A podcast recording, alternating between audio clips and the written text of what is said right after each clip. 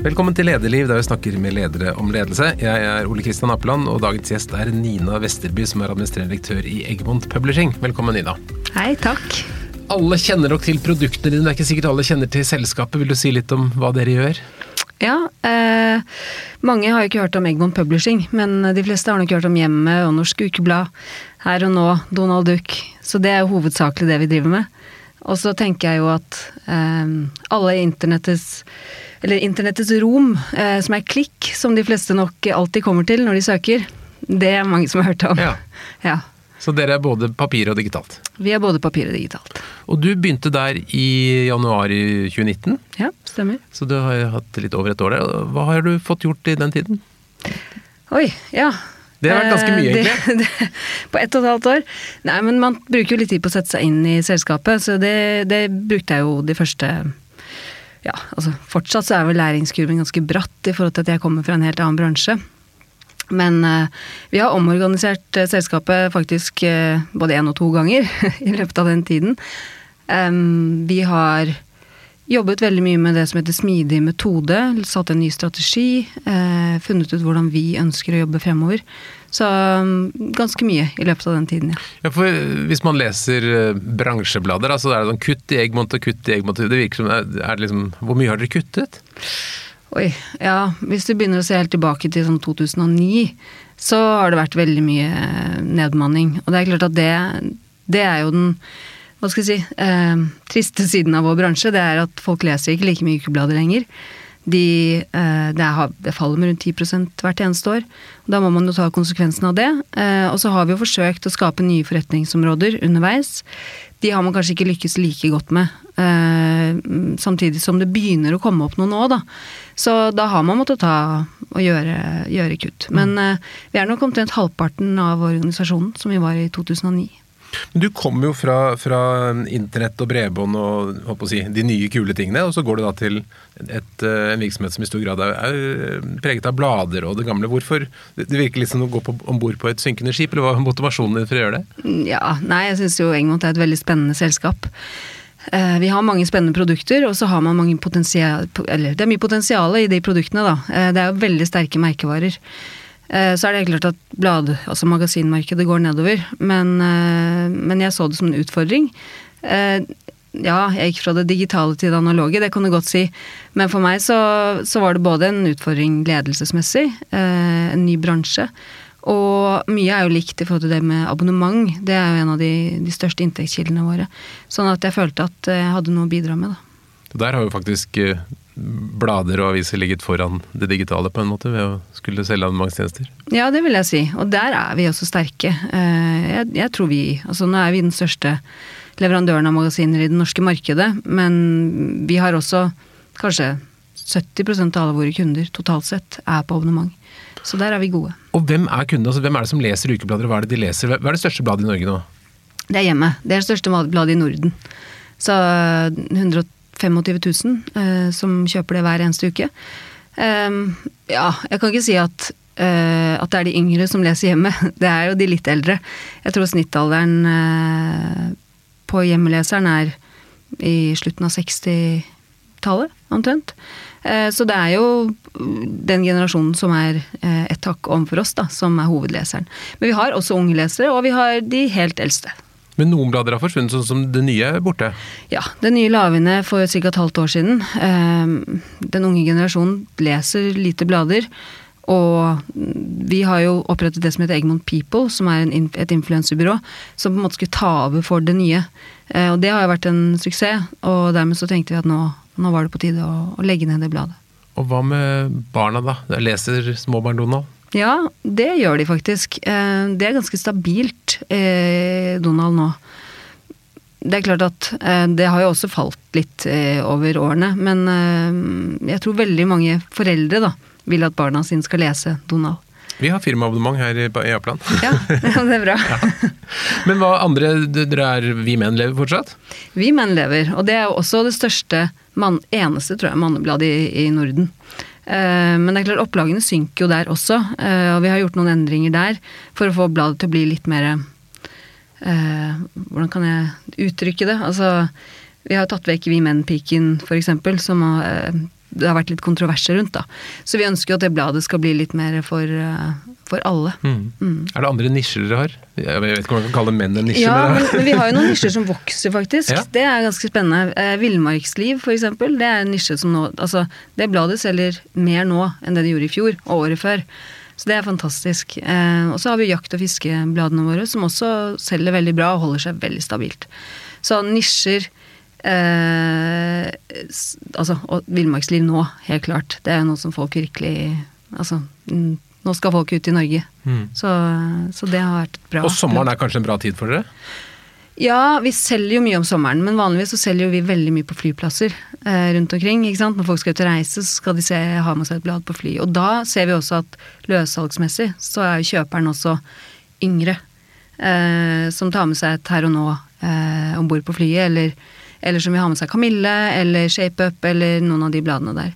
Så eh, vi er jo spent på sommeren som kommer nå. Vi må jo endre oss litt. Eh, vi tenker på alt. Skal vi liksom gå sammen med Diplomis og, og, og kjøre bladene rundt i båtene ute i, i, på fjorden, på en måte? Hvordan skal vi nå eh, kundene våre? Um, så den, den er vi spent på, faktisk, i år. Men korona har kanskje vært bra, eller? At folk har brukt mer tid på å lese ukeblader? Ja, eh, det har faktisk det. Eh, vi solgte langt mer eh, i butikkene i mars og april. Nå har det gått tilbake til normalen, da. Men det var to måneder. Pluss at abonnementsantallet, eller andelen, gikk også opp. Det tror jeg mange som ga abonnement til sine eldre foreldre som kanskje satt hjemme. Så vi hadde en, faktisk en salgsvekst på nesten 50 på abonnement fra april i fjor til april i år. Det er jo fantastisk. Mm. Men så er det klart at annonsesalget har jo vært veldig dårlig for oss også, så vi har jo tatt en hit der. Det syns jeg er så rart, for alle medier snakker om sviktende annonsesalg, men øh, det er jo litt paradoks at øh, det er vanskelig å selge annonser når man har flere lesere enn noen gang. Det, hvordan forklarer du det? Ja, Men det tror jeg ikke de tenker på. Eh, De tenker jo at det er et marked som er på vei ned. Annonsesalget har jo vært på vei ned i mange år også. Eh, Og så når folk eh, ikke aner hva som ligger foran de, så, så stopper de jo nesten alt. Så jeg tror jo annonsørene er usikre, rett og slett? Veldig mye usikkerhet. Men så er det mange som har kommet tilbake igjen og, og annonserer mer enn noen gang. Eh, og vi ser også at vi har fått uh, mye mer vekst på det digitale, da. Enn, eh, altså, for å nå flere mennesker, rett og slett. Vi når jo veldig mange unge via våre influensere. Men uh, korona har vært bra for abonnementssalget, men hvordan har det vært å jobbe, syns du, som leder under koronatiden? Det har vært både skremmende, interessant og lærerikt, eh, vil jeg si. Eh, når vi sendte alle våre ansatte hjem 12. mars, så visste vi at 16. mars det var deadline for påskeutgaven vår. Eh, da skulle nesten 3000 eller 4000 eh, redaksjonelle sider sendes til trykkeriene våre. De skulle trykkes, og de skulle skippes tilbake igjen, og de skulle ut i butikk. Vi visste jo ikke noen ting. Kommer vi til å klare å sende de? Kommer vi til å klare å eh, trykke de? Eh, vil de klare å få, få levert de og distribuert de til kundene våre? Men alt det har bare gått helt knirkefritt. Eh, jeg må bare si at alle har bare vært fantastiske i den perioden her. Alle våre ansatte har bare levert så utrolig bra. Hvordan har du selv organisert arbeidet ditt? Jeg har vært på kontoret hele veien, eh, men nesten ingen har vært der. Vi har hatt et lite kriseteam. eh, Og så har vi jobbet utrolig mye med informasjon til våre ansatte. Så vi har hatt alt fra digitale eh, allmøter, det har vi hatt minst en gang i måneden. Eh, og så har vi hatt en oppdatering fra meg nesten hver dag eh, til alle ansatte på en egen side. Med all informasjon som vi har kunnet ta ut.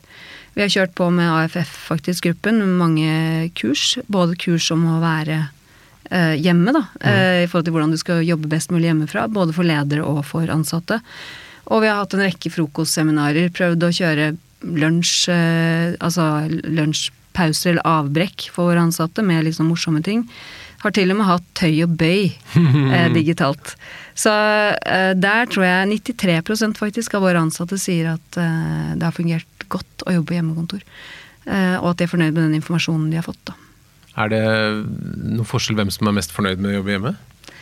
Ja, eh, det tror jeg nok. Eh, Vi ser jo at spesielt de litt mer etablerte eh, trives godt med å jobbe hjemme. De unge eh, syns det er fint en kort periode, men de krever et, et større sosialt liv rundt seg, og har kanskje litt annen plass, da. enn det de eldre har. Eh, eller eldre, sier jeg. Ja ja, ikke eldre da, men litt eldre Voksnere, enn de. Hvor kan vi litt mer voksne. Så ja, eh, det har vært en, en forskjell der. Eh, samtidig så eh, virker det som når folk kommer inn, at de har savnet å se folk. Den todimensjonaliteten man har hatt lenge, den, den blir man litt lei av. Men ser du for deg at dette kommer til å sette noe varig spor i arbeidsmønsteret hos dere? Ja, eh, det tror jeg absolutt. Eh, Vi er nødt til å tilpasse oss markedet, og, og jeg tror veldig mange ønsker mer fleksibilitet. Og så tror jeg nok ikke vi kommer til å gå all in med at alle bare kan jobbe hjemmefra, fordi jeg syns at det er en viktig del av eh, hverdagen, det er å møte eh, dine, altså de du jobber sammen med, da. Litt tilbake til dette med, med, med kuttene dine. For jeg, tenker det må jo være ganske vanskelig Du kommer fra da, utenfra, kommer inn i et nytt selskap og ser at du skal gjøre noe med pengene, og så, så går man løs på, på, på si folk og kostnadsposter. Hvordan, hvordan tenkte du det? Hvordan starter man en sånn prosess på en god måte? Ehm, ja, hvordan gjør man det? Eh, nå har jo ikke vi kuttet sånn veldig mye siden jeg kom inn, faktisk. Eh, for det første så syns jeg jo at man skal i en sånn situasjon som vi er i, og ikke reansette når folk slutter, om at vi prøver å, å omplassere, sånn at man kan ta litt færre kutt. da. I tillegg til det så har jo vi hatt eh, faktisk eh, det som heter gavepensjon hos oss, hvor folk som kanskje har ønsket å gå av med pensjon litt tidligere, og som er i AFP-alder, men som økonomisk sett så har det ikke lønt seg for dem, har fått et veldig godt tilbud. Eh, så det var det rundt eh, ja, en ti-tolv ansatte som gjorde i fjor. Men men jeg har jo ikke gått inn i det. Jeg har jo sagt at man kan ikke kutte seg til vekst, på en måte. Så hvis vi skal nå snu, så, så totalt sett så kommer jo kanskje bemanningen til å flytte seg litt over på mer digitale flater eller andre typer tjenester. Men, men eh, eh, det er liksom ikke kuttene isolert sett. Altså det er mye bedre å finne smartere måter å jobbe på. Eh, redusere kost til leverandørene våre. Eh, se på totaliteten, da. Eh, og så, dessverre så er det jo litt sånn at eh, det er noen ganger man må kutte også i antall ansatte. Hvordan påvirker det stemningen i organisasjonen når man har liksom blitt redusert og redusert, og, og man ser at mange piler går nedover? Nei, men de er, de er jo vant til det, da. De har holdt på med dette hvert år siden 2009. Så det preller bare av? Nei, det preller ikke av, men de, um, de blir jo bekymret, helt klart. Uh, men det er også ventet. Sånn at det er en sånn Ja, det er ikke bare sånn at uh, de går hjem og går i kjelleren. Det, det tror jeg ikke. Altså, vi har utrolig ressurssterke, flotte folk som jobber hos oss. Og de får veldig god hjelp. Det har vi også hatt eh, tradisjon for. Vi har jo hatt veldig mye frivillige sluttpakker hos oss tidligere også. Eh, og, og en HR-avdeling som, som er har vært helt fantastisk i forhold til dette. Så jeg tror alle som har sluttet hos oss, mer eller mindre har sagt at prosessen har vært god, og at de har følt seg godt ivaretatt. Når man hører at eh, man skal gå liksom, digitalisere, sånn, så det, tenker man intuitivt at det betyr at da skal man ha mye yngre medarbeidere, og de gamle skal ut. Er det sånn, eller er det også veldig erfarne gamle eldre medarbeidere som fungerer godt i en ny digital hverdag? Ja, det er begge deler, men, men ikke Det er vanskelig å gå fra å være journalist til å bli eh, koder, på en måte. Altså, det er jo ikke sånn at du kan flytte deg så, såpass mye. Men, men det å levere eh, digitalt innhold, hvis du har levert analogt innhold før, ja, det krever opplæring, men det er jo helt klart mulig. Men det er jo ikke alle som ønsker det heller. Noen syns det er helt supert å jobbe med, med print, og noen har veldig lyst til å lære mer. Så vi ser jo at det er flere som har flyttet seg, og, og det er ikke bare sånn at eh, det er liksom de yngste som jobber med, med digitalt. Det er alle aldre. Jeg tenker at Noe av utfordringen i en sånn jobb må være at, å forstå hvordan verden ser ut fremover. Altså, hvordan orienterer du deg for å liksom sette kursen langt frem? Nei, men vi har jobbet, vi har jo hatt faktisk en sånn fremtidssamling hos oss da, og brukt eh, et selskap som har hjulpet oss med å se hva er, hva er på en måte potensialet for oss da i fremtiden. Da samlet vi jo hele organisasjonen eh, med mentometerknapper, og hadde da et selskap inne som eh, ja, de hadde vel en åtte-ti forskjellige steder vi kunne gå, da. Hvor folk selv kunne stemme på hva de mente vårt selskap enten var rigget for, eller at de mente var viktig. Eh, sånn som f.eks. nisjer, som du nevnte innledningsvis, som har vært veldig viktig for oss. Men også mye rundt det, der, det grå gullet som mange har snakket om. For vi har jo en, en, veldig stor gruppe lesere som, som har mye penger, og som, som, vil bruke de pengene. Og som også har barnebarn, og som vil bruke penger på barnebarna. Så det er jo noe potensial der. Eh, og så er det det der med medlemskap i mye større grad. Folk ønsker ikke å abonnere på noe. Folk ønsker å være medlem. Så vi prøver jo på en måte å, å samle alle de, den kunnskapen som fins, da. Eh, og bruke det i forhold til den kundemassen vi har. Eh, og også da eh, på de nye områdene våre, som f.eks. jeg snakket om i sted, med, med influenserdelen. Og dere kjøper også inn i nye selskaper? Ja, eh, vi gjør det, men det er det som heter marketing services. Vi Hva er ligger jo- i det? Hva betyr det? Nei, det er jo folk som jobber med det som kalles søkemotoroptimalisering, f.eks. På, på, på nettet, altså SEO. Eh, Det kan være det er mange, Nå er det sånn faguttrykk her, da, men sånn inbound marketing f.eks. Som er en måte å tiltrekke seg kunder uten at du selv Altså at du skaffer, skaffer deg varme leads, da. Um, og det kan også være i forhold til content uh, og produksjonen av det. Så vi eier i dag uh, deler av to selskaper, Sempro uh, og, og markedspartner i, som vi nettopp fikk inn i porteføljen vår. Så der eh, de, Det driver vi også. Mm. Hvorfor velger du å gå inn i selskapet fremfor å mm, på en måte starte fra bunnen? Nei, det er vår uh, måte å jobbe på. Egmont uh, kjøper jo veldig mye selskaper. Vi ønsker å være en god eier og en god partner for selskapene, men vi ønsker at gründerne skal drive det videre selv. Vi mener at vi kan tilføre eh, kompetanse og kapital, men at eh, det, er liksom, det er der det i utgangspunktet stopper, og så skal gründerne være de som virkelig driver selskapene. Det har vært en supergod modell for oss, som gjør at vi i dag har selskaper både i Norge, Sverige og Danmark. Eh, både innenfor marketing services, men også e-commerce.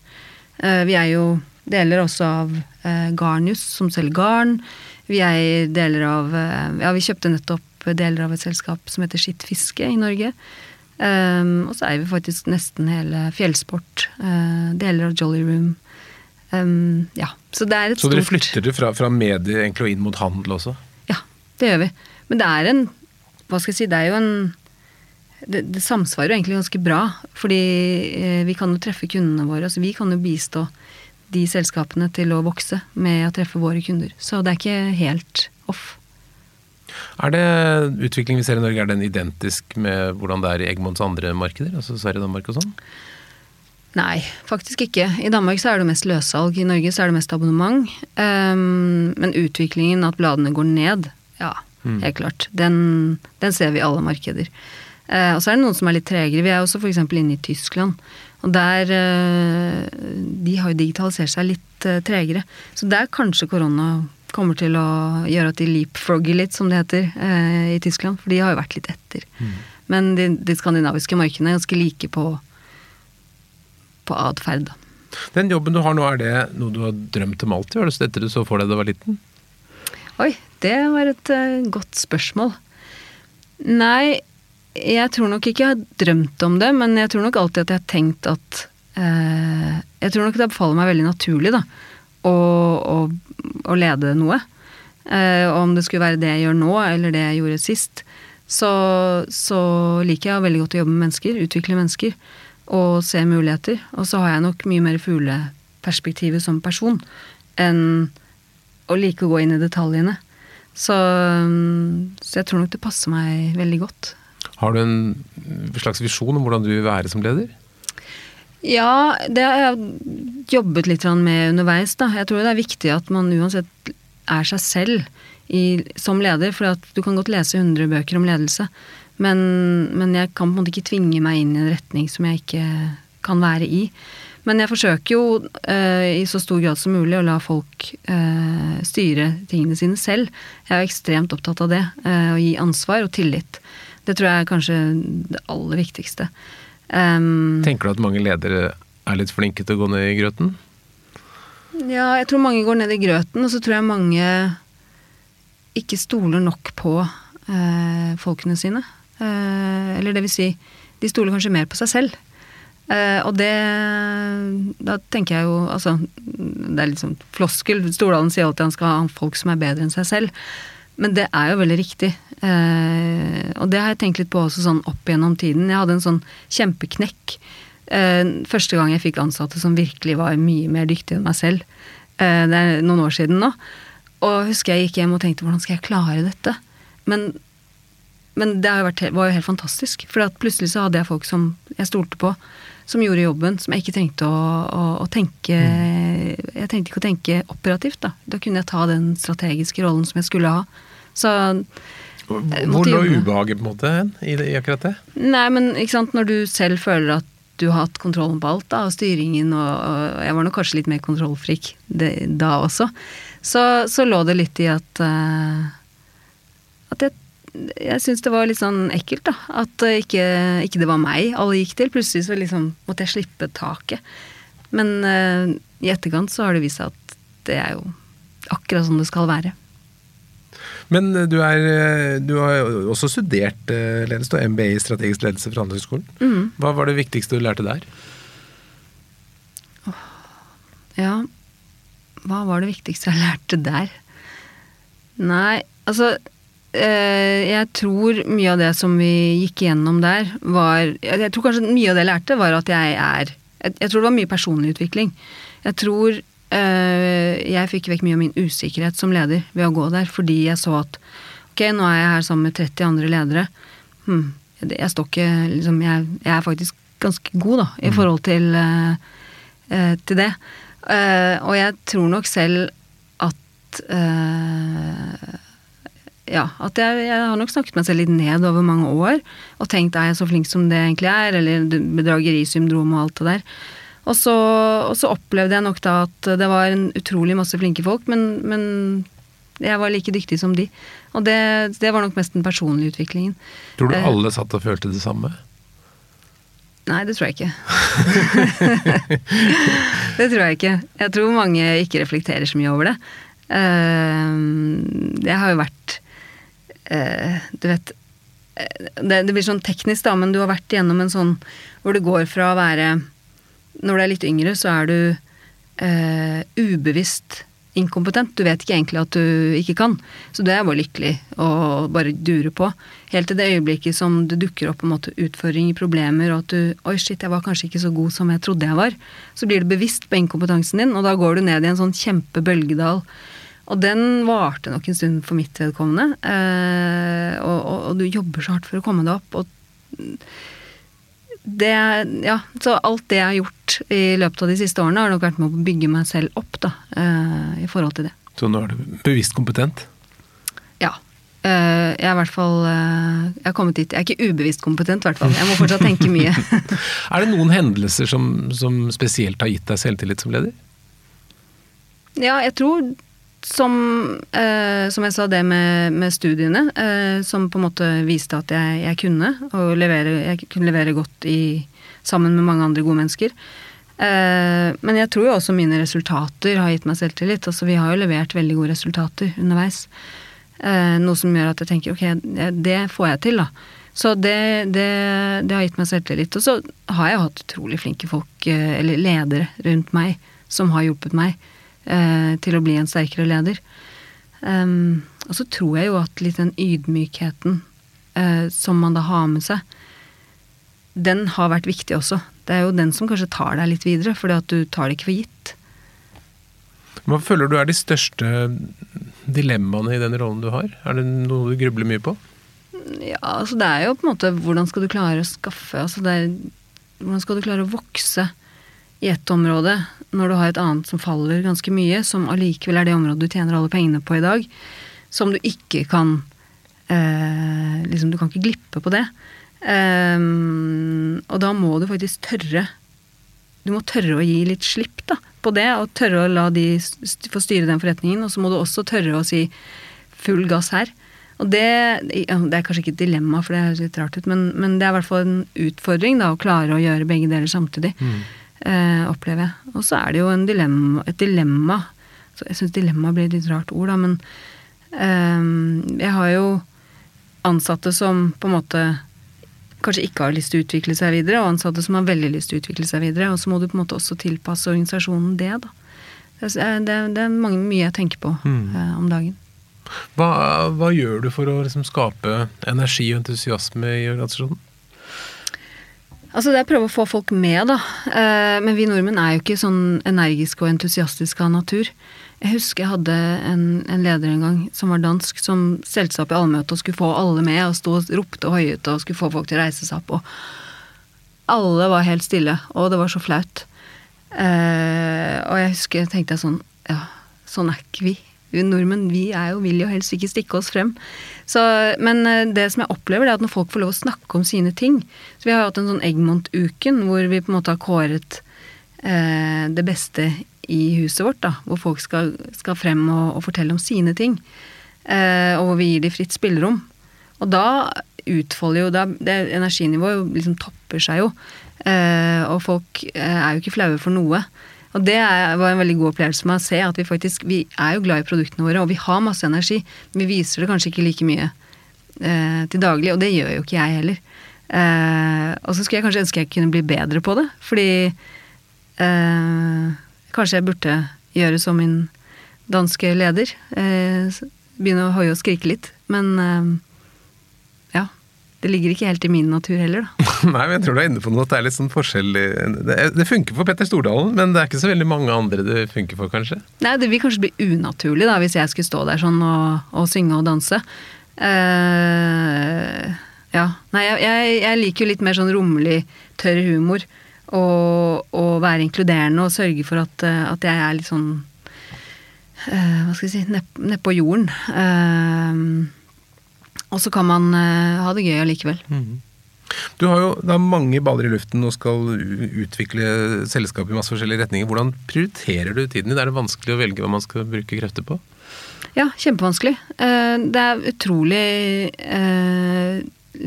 krevende når det kommer inn noen nye ting fra sidelinjen som egentlig virker veldig gøy. Så har man bare lyst til å gå den veien. Men du kan jo ikke det. ikke sant? Det ser gøy ut, men det er ikke det vi bestemte oss for. Her har vi på en måte strategien vår, og dette er den veien vi skal gå. Eh, og så begynner folk å mase litt. Ja, men det der er, liksom, det, er det nye, og du får så mye in input på det. Eh, så prioriteringer er jo noe av det vi gjør hver eneste dag. Og jeg tenker jo veldig ofte at det kommer inn ting og folk er veldig utålmodige.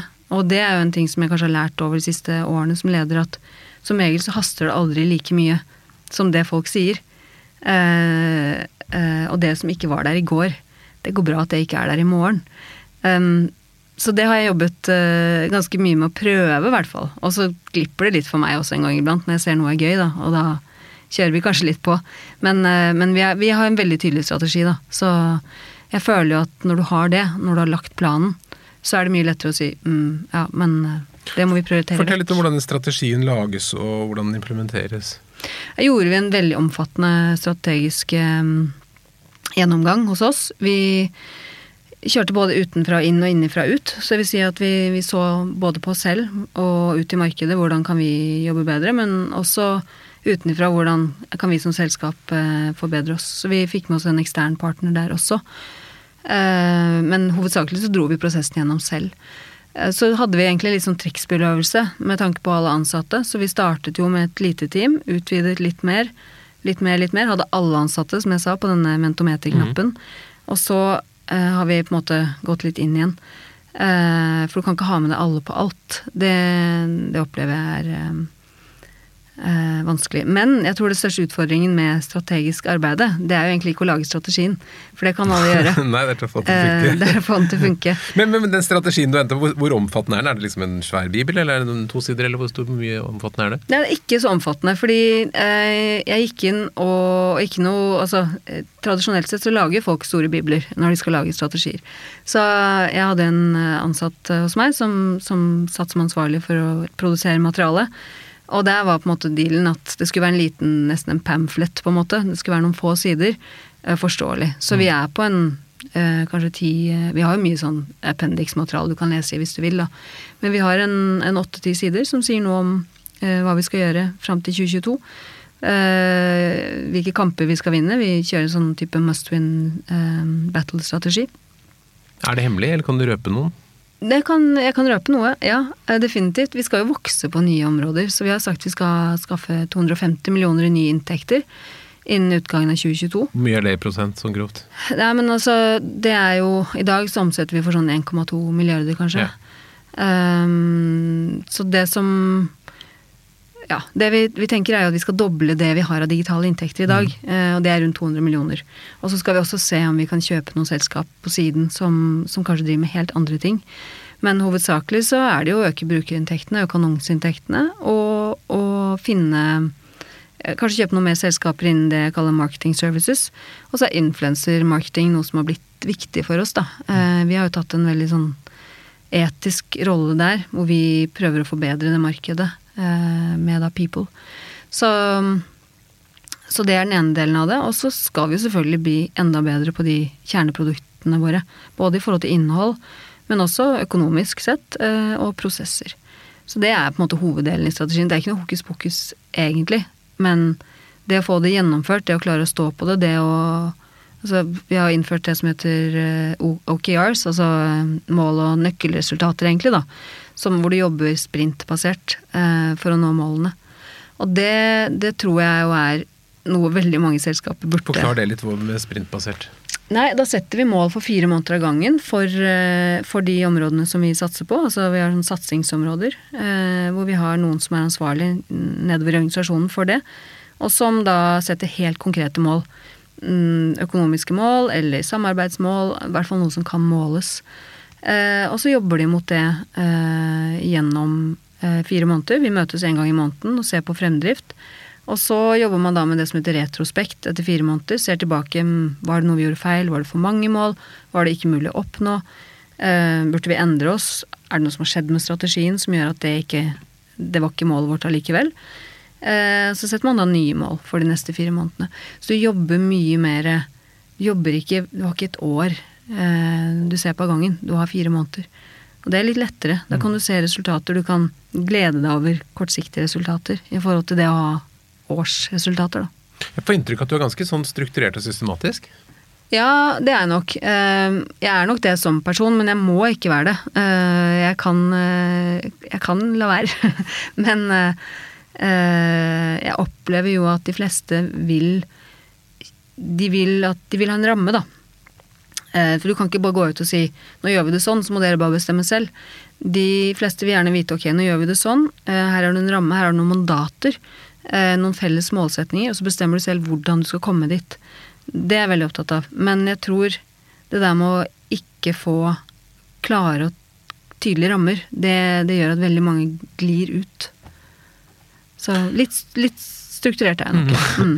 Du, du, nevnte kamper, altså dere kjemper om, om, abonnementskroner og annonsekroner. Mm. Hvem er de største fiendene eller konkurrentene? Hvem er det som dere oppfatter som vanskeligst? Eller hvem er det som tar pengene deres? Eller dere skal ta pengene fra?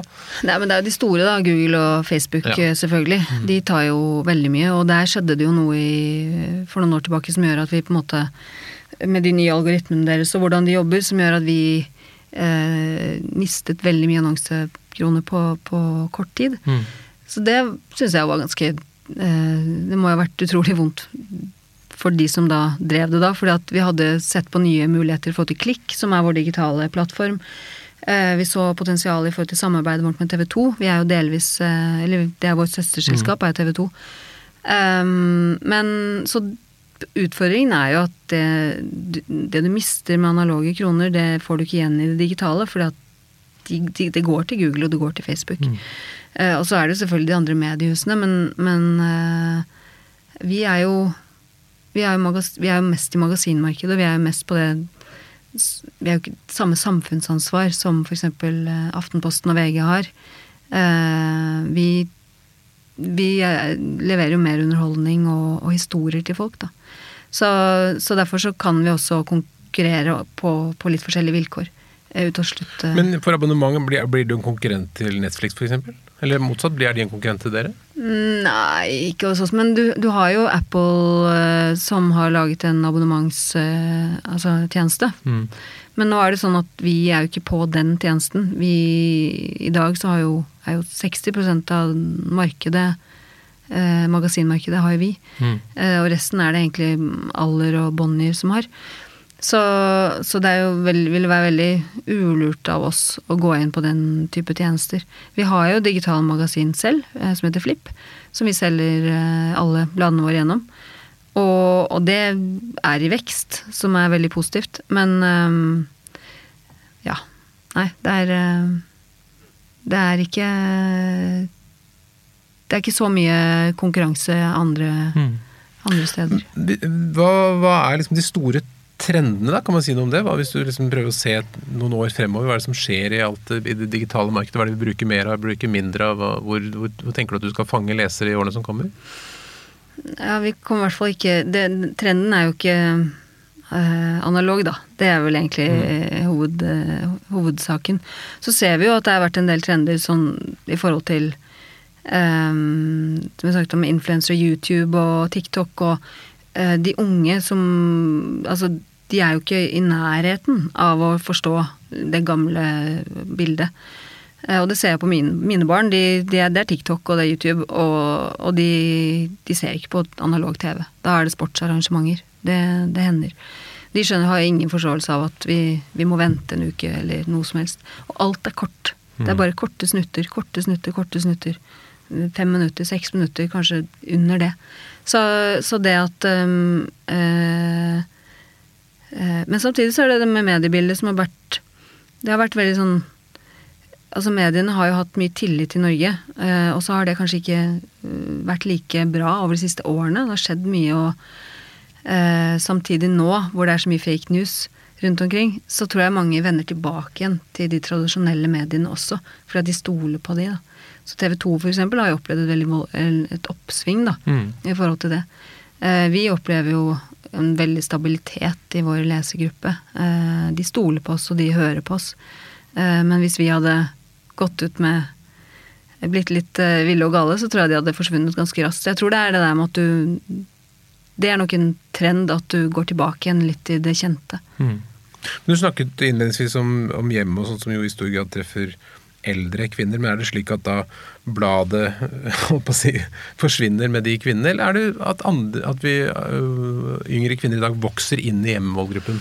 Noen vokser inn i hjemmemålgruppen, og vi, vi, vi forsøker å tilpasse oss. Og nå finnes det jo masse spennende løsninger da, for fremtiden som vi ikke har vært veldig mm, gode på enda.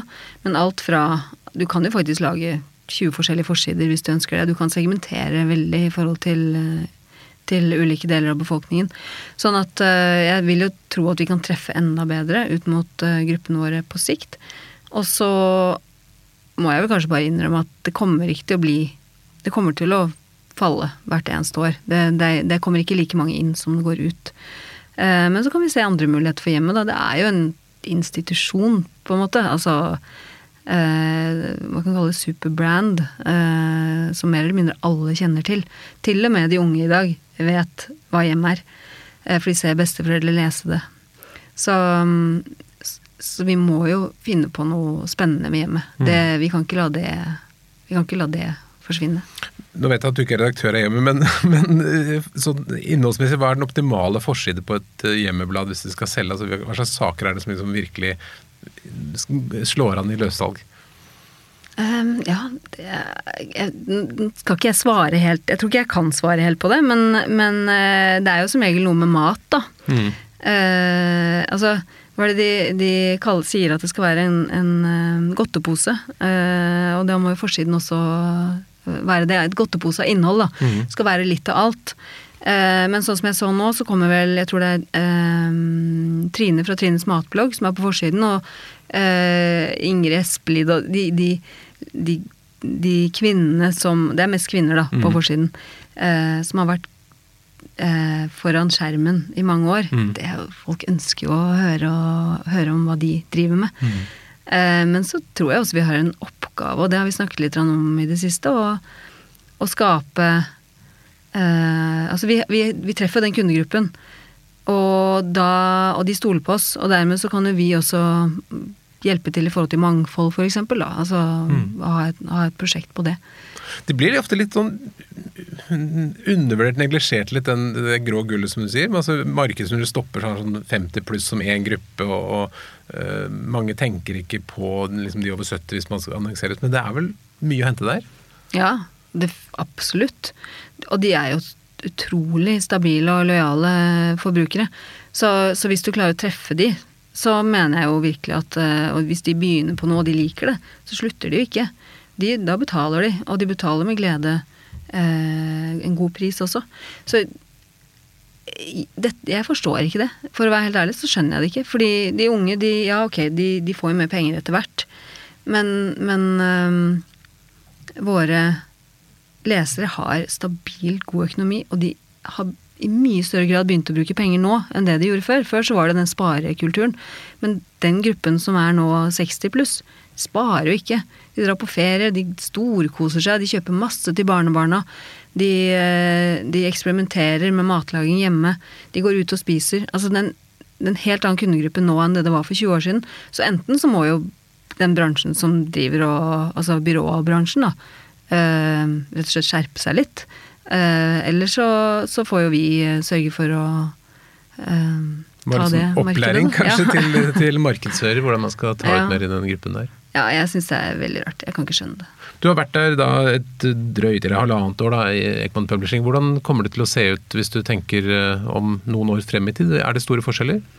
Jeg håper jo vi har lykkes med strategien vår, da. Um, og hvis vi har lykkes med den, så vil vi nok ha Det vil nok være færre magasiner. Det er det helt sikkert. Men, uh, men de vil fortsatt være gode og robuste, de vi har. Og så kan man tenke seg nye? Kan det komme et nytt trygt magasin? Ja, men sant, vi gjør sånne spesialer, eksempel. Sånn som nå da, i sommer, så, så, trykker vi jo Vi har jo så utrolig mye innhold i forhold til norgesferie. Så vi trykker jo masse spesialer der. Så nå gir vi jo tre-fire ulike spesialer. Men øh, ja, øh, kanskje. Jeg vil ikke si nei til det. Men, øh, men Og vi gjør jo det i forhold til kids-forretningen vår hele tiden. Da ga vi jo nettopp ut et nytt Altså, det, det, det, skjer jo noe der. Mm. Um, men jeg tror ikke vi ser opplagstall som hjemme på sånne type blader. Det, så, så, det blir digitalt. Og, og ellers, hva, hva, kommer til å forandre seg ellers? Eh, nei, altså det Altså som jeg har sagt, eh, nye kanaler, altså YouTube, TikTok eh, Det kommer til å komme et eller annet nytt der også som vi er nødt til å ta del i. Gamingverden tror jeg kommer til å være stor e-sport. Uh, og spørsmålet er hvor mye kan vi ta del i det. Vi ønsker jo det, å satse mer på i den retningen. Vi ser jo TV 2 også nå satser mye på det. Så uh, det er jo faktisk nå flere seere på e-sport enn det er på tradisjonelle idrettsarrangementer. Og det tror jeg vi må ta inn over oss. Og så er det litt vanskelig, tror jeg, for vår generasjon å forstå at det er mulig å sitte og se på e-sport. Mm. Hva, hva, hva er greia? Men um, det tror jeg bare vi må leve med. Og lære oss å leve med, og lære oss å like. For det tror jeg er et område som vi uh, alle skal inn på, og jeg håper vi tar del i det også. Kanskje fremtiden for hjemmet er sånn, sånn e-sportskanal hvor man konkurrerer i hekling og baking? ja, ja uh, det, det, Kanskje. Det kan være. De, de, jeg må også si at de eldre brukerne er jo mye mer digitale nå enn det de var før. Så de noe kommer til å, å skje. Mm. Eh, vi må ta de på alvor. Eh, hvis det kommer en ung person til deg og sier Nina, jeg vil bli leder, jeg vil bli sånn kjempegod sjef akkurat som deg. Hva er de tre viktigste lederrådene du vil gi? Ja, altså du må jo øh, jobbe hardt, da. Det, det, tror jeg gjelder alle, alle jobber. Mm. Altså ikke forvent noe, men, men lever på det arbeidet du gjør. Lær. Tør å feile. Det tror jeg er superviktig.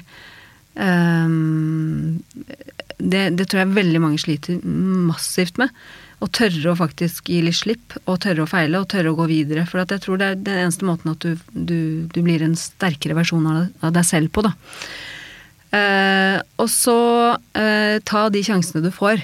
Uh, skaff deg en sponsor, gjerne. Fordi jeg tror hvis du Det avhenger litt av hvor du vil, da, men men jeg tror det er ofte viktig at du har noen som, liksom, som leder deg opp i systemet. Det har jeg alltid hatt. Og, og, selv om du kan komme deg til toppen eh, på egen hånd, så tror jeg det er lettere eh, å skaffe seg en person som faktisk kan hjelpe deg. Mm. Helt til slutt, hva tar du med deg på stranden i år av lesestoff fra du, du kan jo forsyne deg gratis en daglig på jobben. Hvilke blader ja, velger du å ta med? Alt. Ja, ta med alt. ta med en, en, sekk. Nei, jeg, jeg leser jo uh, flere av bladene våre, men, uh, men, Camilla er nok mest det som er, passer min uh, aldersgruppe. og ShapeUp. Og så har jeg jo Flipp, så jeg kan jo flippe meg gjennom alle, alle bladene våre der. og så vil jeg si at vi menn har veldig mye spennende lesestoff. Eh, mange gode historier, og, og, de har utrolig dyktige journalister som er gode på å grave. Så, så det kan nok være at jeg leser det òg. Veldig bra. Tusen takk for at du kom til Lederlinjene. Takk for at jeg fikk komme. Lederliv er en podkast fra kommunikasjonsbyrået Apeland. Eh, de som er i redaksjonen er Ellen Paulsen, Lars Jarle Melum, Lars Volden og meg, Ole Kristian Apeland. Og vi kommer hver uke med nysending på fredager. Hvis du har en uh, idé eller tips eller innspill til oss, så finner du mailadressen vår på lederliv.no.